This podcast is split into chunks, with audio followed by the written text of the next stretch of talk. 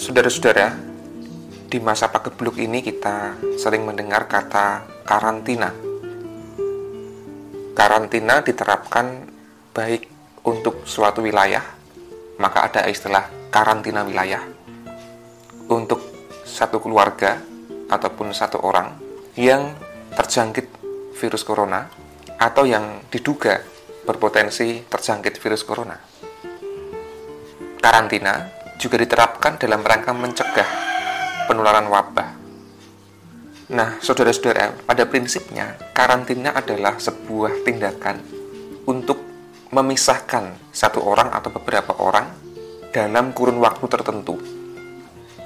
Tujuannya apa? Tujuannya adalah mencegah penyebaran wabah. Nah, kata karantina itu berasal dari bahasa Itali, khususnya bahasa Venesia. Bahasa yang digunakan di daerah Venesia pada abad yang ke-14 dan 15. Berasal dari kata kuarantena. Nah, kata kuarantena ini berarti 40 hari. Nah, mengapa lalu kata karantina ini kemudian dipakai sampai sekarang? Nah, beginilah ceritanya. Pada abad ke-14 terjadi wabah pes yang kemudian dikenal dengan maut hitam atau Black Death sekitar tahun 1348 sampai 1351-52 yang memakan korban sangat banyak sekitar 30% populasi Eropa dan juga banyak orang di Asia pada waktu itu. Nah, ketika terjadi wabah pes atau maut hitam di abad yang ke-14 itu, beberapa negara di Eropa kemudian menerapkan isolasi. Yang pertama adalah negara di Kroasia itu menerapkan isolasi selama 30 hari. Dalam bahasa Italia disebut Trentino. Siapakah yang dikarantina? Pada waktu itu, dugaan bahwa wabah pes itu dibawa oleh kutu tikus dan kutu tikus itu dibawa oleh kapal yang berlayar antar negara maka kemudian yang dikarantina adalah kapal. Sebelum sebuah kapal itu masuk ke wilayah Dalmasia atau Kroasia, itu harus istirahat selama 30 hari, entah di sebuah pulau atau ya pokoknya di lautan. Jangan menuju ke dermaga, jangan menuju ke daratan. Mengapa? Tujuannya adalah untuk mengisolasi kapal itu dan orang-orang di dalamnya agar tidak ada orang yang terjangkit wabah pes. Ketika sudah 30 hari kemudian orang boleh mendarat dan boleh beraktivitas. Nah, itu kebijakan yang pertama, kurang lebih tahun 1377. Sekali lagi, tujuan dari isolasi itu adalah memisahkan orang-orang yang sakit atau orang-orang yang diduga terjangkit penyakit menular agar tidak berhubungan langsung dengan orang-orang yang sehat agar tidak berpotensi menularkan. Tujuannya adalah untuk mencegah.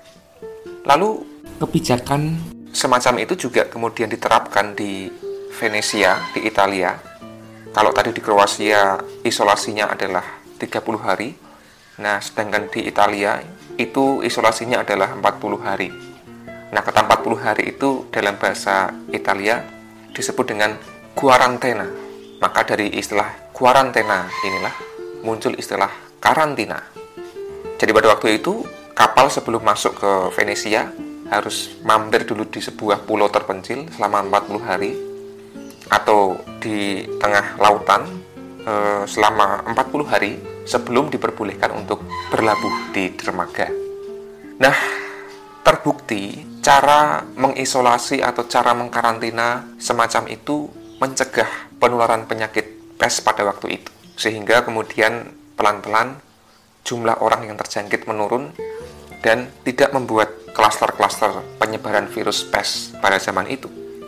Nah, pengetahuan tentang karantina atau isolasi ini memang pengetahuan medis yang kemudian niteni sampai berapa lama e, orang yang terjangkit wabah itu bisa sembuh.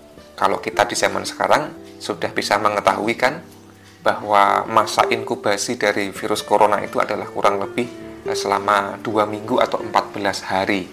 Maka kalau ada orang yang isolasi atau di karantina itu ya kurang lebih selama 14 hari. Kalau 14 hari itu bisa sembuh berarti dia sudah cukup aman dan punya kekebalan tubuh. Maka kemudian karantina selesai bisa hidup dengan e, berjumpa dengan orang-orang yang sehat meskipun dengan protokol kesehatan.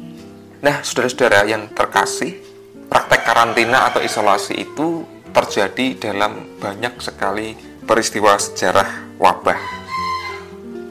Praktik isolasi atau karantina adalah dalam rangka mencegah penularan wabah virus atau bakteri yang menular.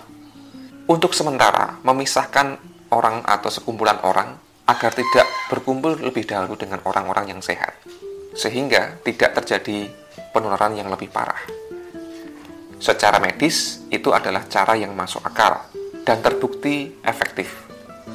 Maka, jikalau sekarang pemerintah maupun eh, pihak-pihak kesehatan menerapkan metode karantina atau isolasi, kita tahu pernah ada karantina wilayah beberapa daerah atau kota begitu ya.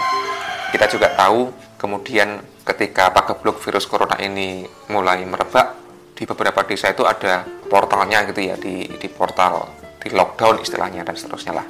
Dan itu juga terjadi di banyak negara termasuk di Wuhan di Cina kemudian di e, Italia Jerman dan seterusnya. Dan terbukti itu adalah cara yang efektif memutus mata rantai penyebaran virus corona. Termasuk kalau ada orang yang terjangkit mengapa kemudian diberi ruang khusus diisolasi di rumah sakit ketika dia cukup parah atau diisolasi mandiri di rumahnya selama kurang lebih 14 hari ya karena supaya dia tidak menularkan ke orang-orang lain yang sehat. Memang secara medis itu semua masuk akal. Namun secara sosial, kita tahu bahwa memisahkan orang dari komunitas adalah tindakan yang dilematis. Karena secara sosial, manusia adalah makhluk yang punya kebutuhan untuk bertemu dengan sesamanya, untuk berkumpul dengan kelompoknya.